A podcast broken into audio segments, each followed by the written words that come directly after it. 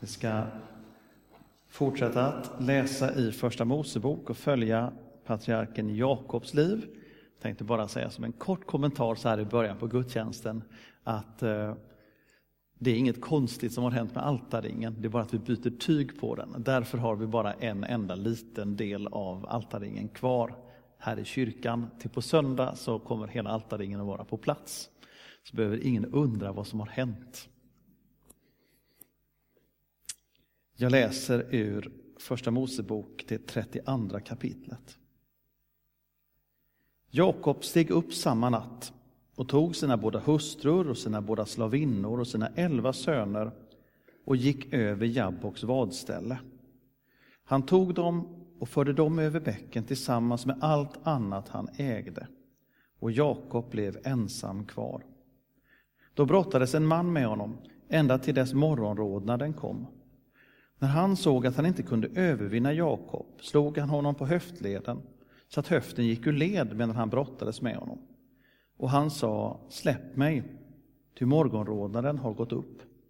Men Jakob svarade, jag släpper dig inte förrän du välsignar mig. Då sa han till honom, vad är ditt namn? Han svarade Jakob. Han sa, du ska inte längre heta Jakob utan Israel, ty du har kämpat med Gud och med människor och segrat. Och Jakob frågade, låt mig få veta ditt namn. Han svarade, varför frågar du efter mitt namn? Och han välsignade honom där. Jakob kallade platsen Peniel, ty han tänkte, jag har sett Guds ans Gud ansikte mot ansikte och ändå har mitt liv skonats. Så lyder Herrens ord. Gud, vi tackar dig. Vi följer Jakob, patriarken Jakob, i hans livsvandring. Det är där vi hittar honom just nu, på vägen hemåt. Men innan vi går till Jakob så tänkte jag börja med första salven som vi sjöng. Den som John Newton skrivit, Oändlig nåd. Det kan vara på sin plats att veta lite om den salmens bakgrund. För John Newton eh, var från början en man som inte brydde sig om Gud alls. Han var inriktad på rikedom och hans yrkesval var väldigt tydligt att det var pengar och inte Gud som var viktigt, för John Newton var slavhandlare. Han skeppade alltså slavar från Afrika till Amerika. Ehm, och det levde han på och blev rik. Men det fanns en sak som John Newton var väldigt stolt över och det var att han alltid var i tid. Det var någonting som han hade liksom som sin princip. Han höll alltid tiden. Eh, en enda gång kom han för sent. Och det var en livsavgörande stund. Han var i London, hans båt, fraktskepp, låg i hamnen, han var i land i något ärende. Och så var han på väg ut, tillbaka till båten. Och han var försenad till sin stora irritation. Den här gången var det inte slavar utan krut som fraktades på båten. Och i jollen på väg ut så sprängs båten. Hade han varit i tid så hade han dött. Det ögonblicket när han insåg att så nära hade han varit att faktiskt förgås och dö fick honom att fundera över livet. Vem han var, vad han hade gjort för val och det han ifatt honom, vad han hade gjort gentemot sina medmänniskor. Så att han omvände sig, kom till tro på Gud, på Jesus som frälsare och det är i den situationen som han har skrivit salmen om Guds oändliga nåd.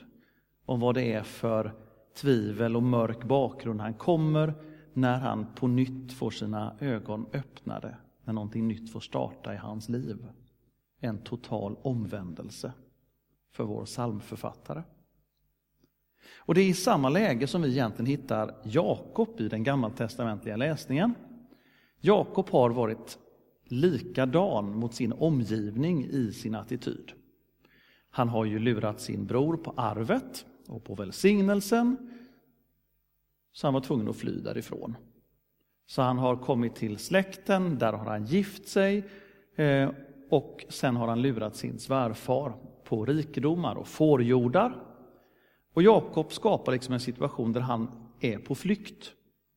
Han måste fly från sin svärfar för svärfadern Laban och svågrarna säger att kommer du tillbaka hit igen, du som lurat oss på våra rikedomar, så ska vi slå ihjäl dig. Därför är Jakob på flykt. Problemet är att dit han är på väg, det är hem igen till storebror Esau. Som sist de sågs sa, du har lurat mig på arvet, så kommer du hit igen så kommer jag att slå ihjäl dig.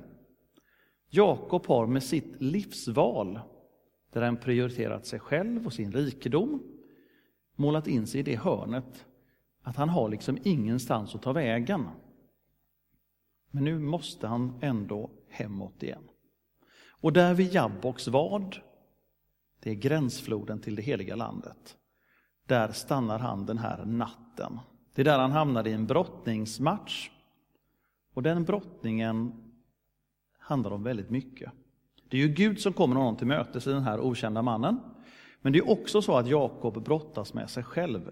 Vem är han egentligen? Vad har han gjort med sitt liv? Hur har han varit mot sina medmänniskor? Mot släkten? Ehm, och när han är där och har den kampen, då ställer Gud frågan, vad heter du? Och det är inte så att Gud inte vet att Jakob heter Jakob. Det är en annan fråga Gud ställer till Jakob. För på hebreiska, Jakobs språk, så har han ett lite udda namn. Jakob för oss är ett vanligt namn, men på den tiden så är det lite udda. Han var ju lillebror i ett tvillingpar. Han höll sin storebror i hälen. Jakob betyder den som håller i hälen. Så det fick han som namn när han föddes. Att hans bebisgrepp hade tagit tag om storebrors fot. Men vad ordet betyder när man säger det är fritt översatt den som lägger krokben. Alltså den som lurar folk, den som fäller andra. Tänk att heta krokben.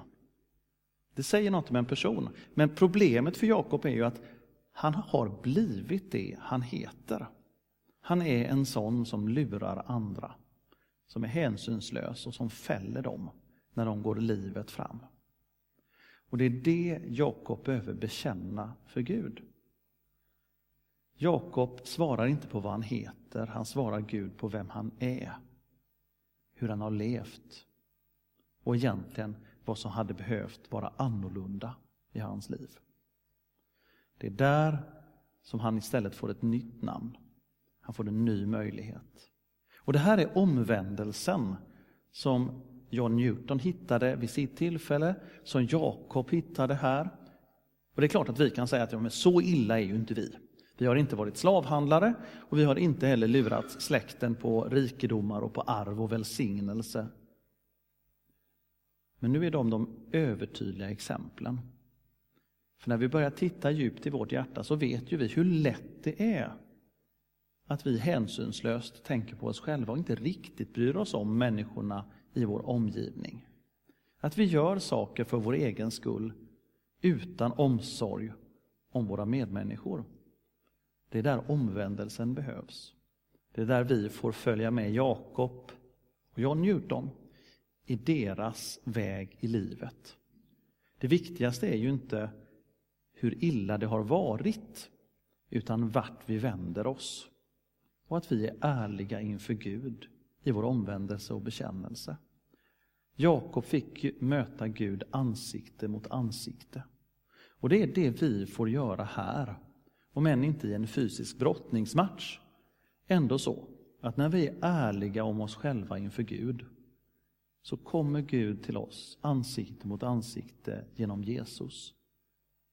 Han kommer hit för att möta oss. Så att vi den här stunden, den här kvällen får vara helt öppna inför Gud.